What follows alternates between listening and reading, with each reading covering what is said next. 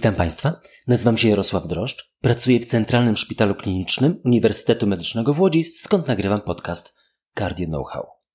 Postępując zgodnie z informacją umieszczoną w niezbędniku, rozpoczynającym aktualny drugi sezon podcastu Cardio Know-how, mam dla Państwa ważną informację na początek. Posiadam jako członek zespołu akademickiej Platformy Edukacyjnej Cardio Know-how konflikt interesów związanych z niniejszym odcinkiem.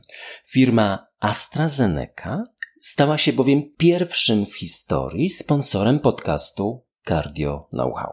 Bardzo dziękujemy za to pierwsze finansowe wsparcie dla naszego żmudnie prowadzonego projektu edukacyjnego.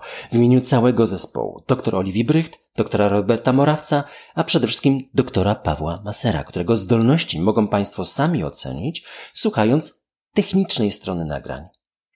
A także pani Joanny Milczarek, prezes FUMET, Fundacji Uniwersytetu Medycznego w Łodzi, prowadzącej projekt pani Natalii Stanisławskiej i naszych informatyków. I chyba nie ma żadnego innego konfliktu interesów, którym bardziej mnie by ucieszył. I to nie przez aspekt finansowy. Dapagliflozyna jest cząsteczką, dzięki której najbardziej urósł mój indeks cytowań. Artykuł w Name New England Journal of Medicine z 2019 roku, którego jestem współautorem, ma już 1660 cytowań. A wszystkich cytowań przez całe 30-letnie życie zdobyłem 8 tysięcy. Nawet artykuł opublikowany przed dziesięcioma laty w New England Journal of Medicine poświęcony żywotności mięśnia sercowego ma wszystkich cytowań połowę mniej przez dziesięć ostatnich lat.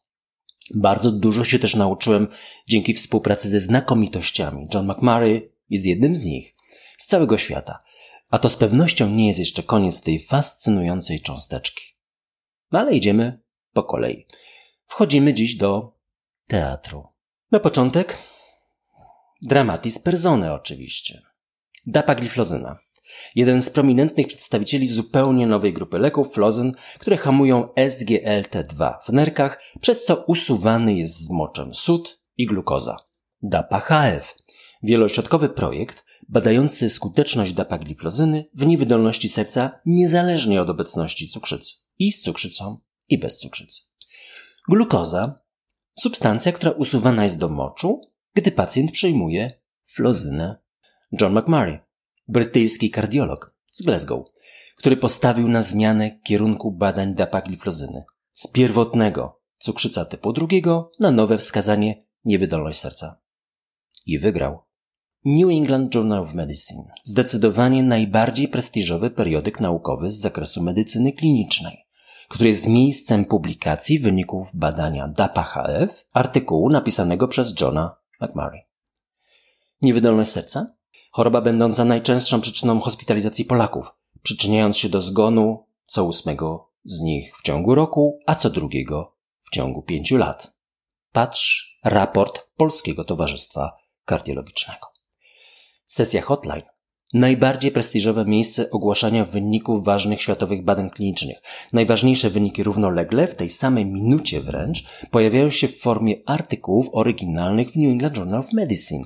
Między innymi tak pojawiły się wyniki badania DAPA-HF 1 września 2019 roku o godzinie 15.50.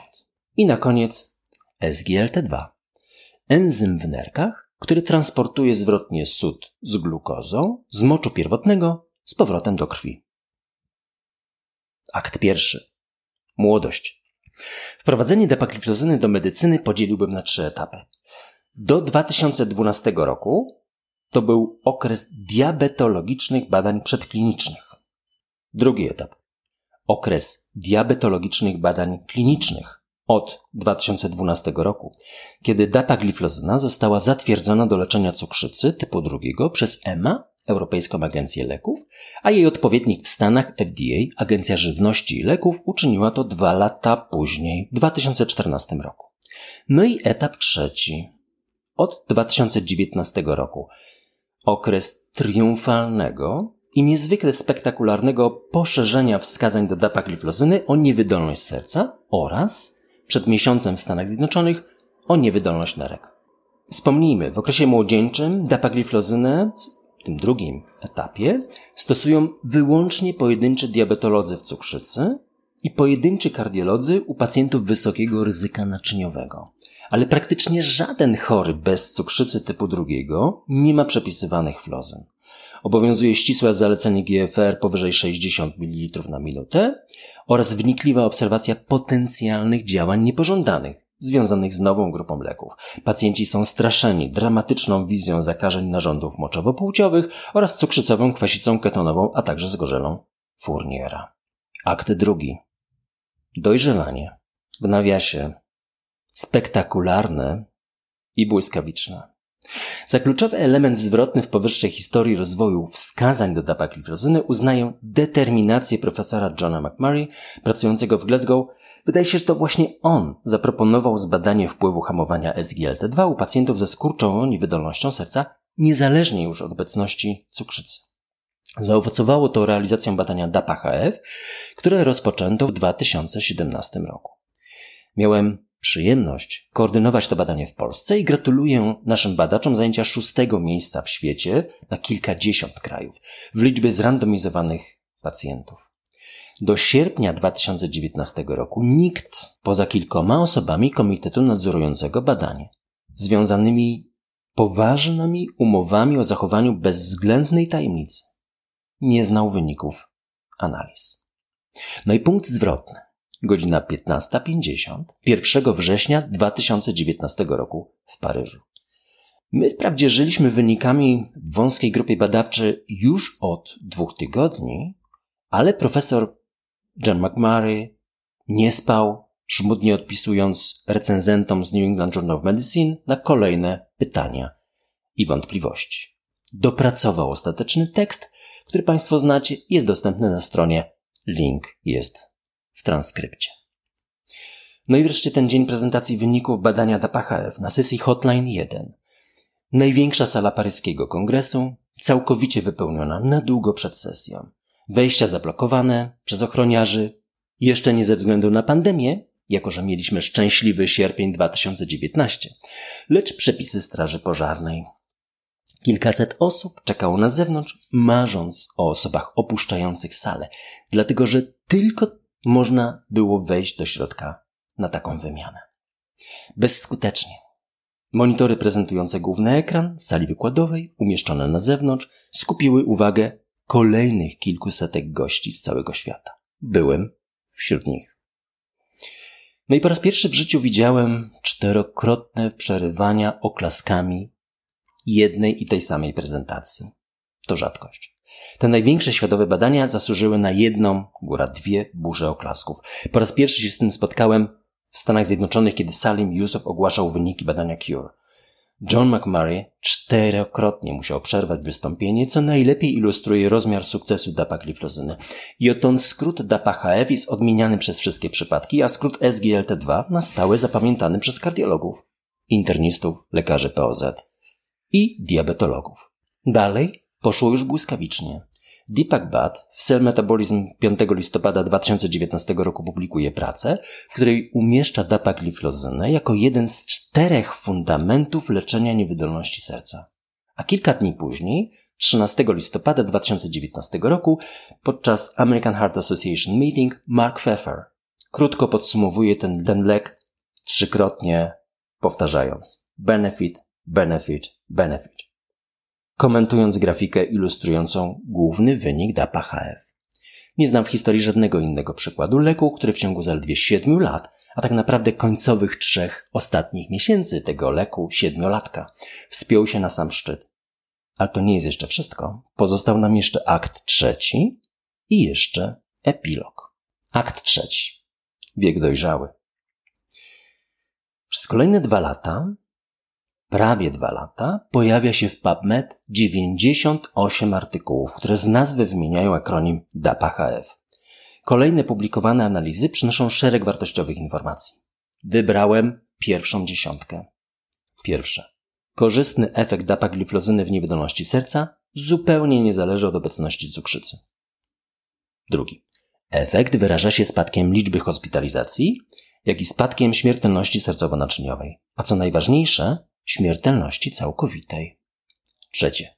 Korzyści stają się statystycznie istotne już w 28 dniu leczenia, kiedy pacjent z pierwszego opakowania ma jeszcze dwie tabletki. Czwarte. Pacjenci czują się lepiej.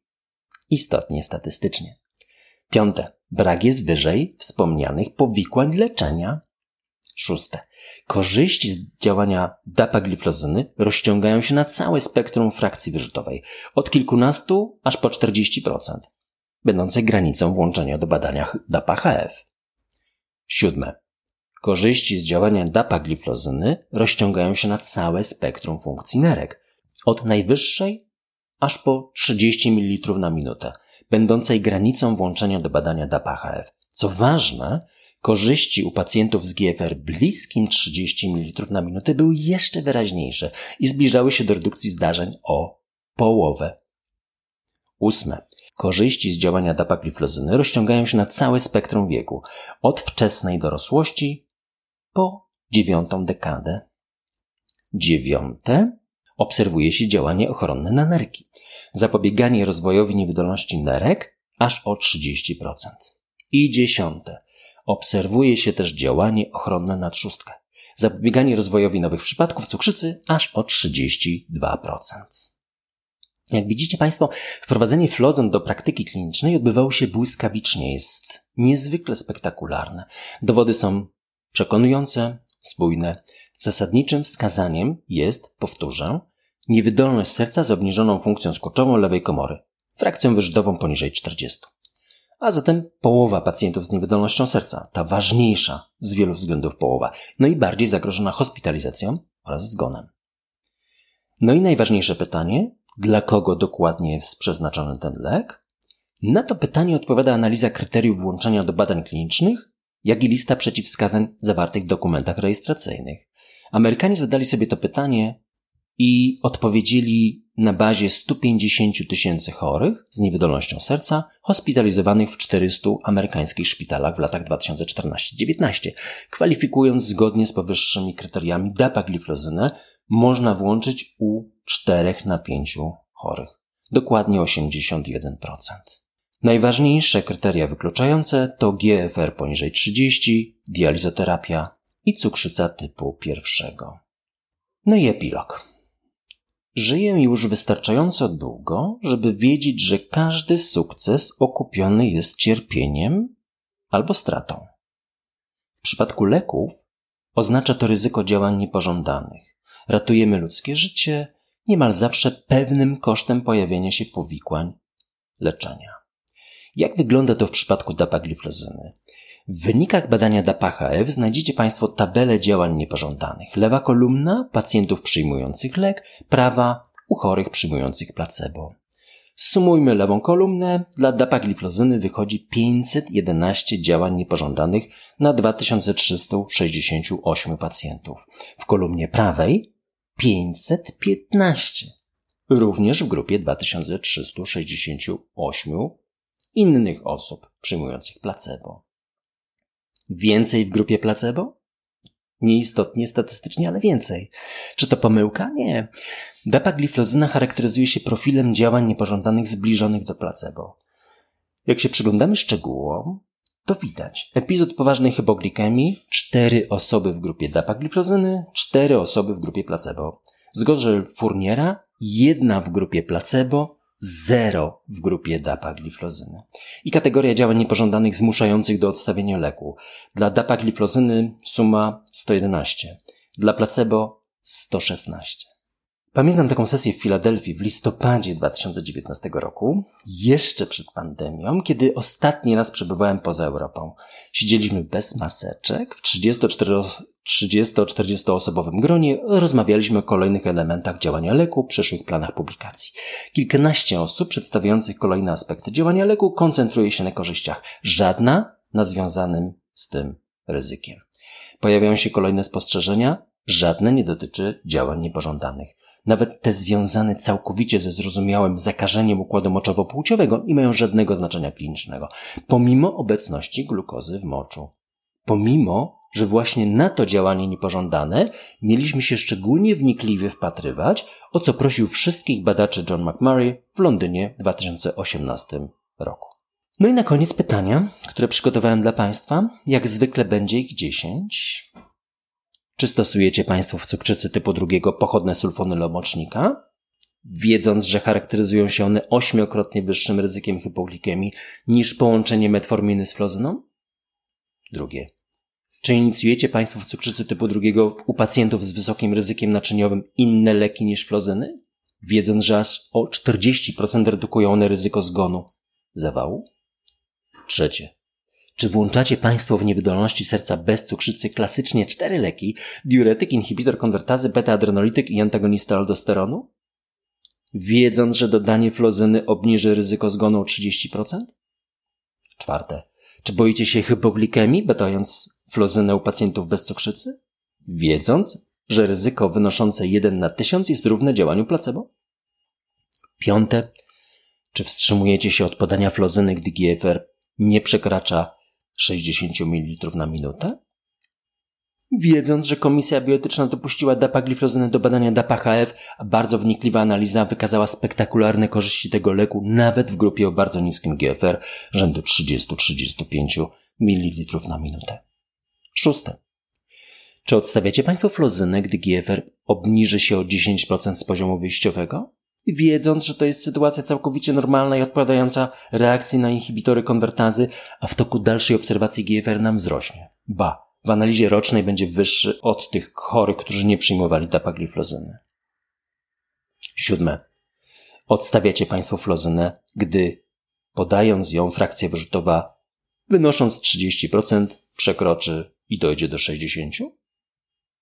Wiedząc, że z badań klinicznych nie płynie żaden sygnał wskazujący na utratę korzystnych efektów działania dapagliflozyny u chorych z zachowaną funkcją skurczową lewej komory.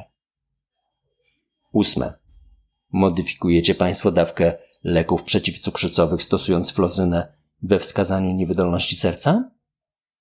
Wiedząc, że prominentni diabetolodzy tego nie rekomendują? Dziewiąte.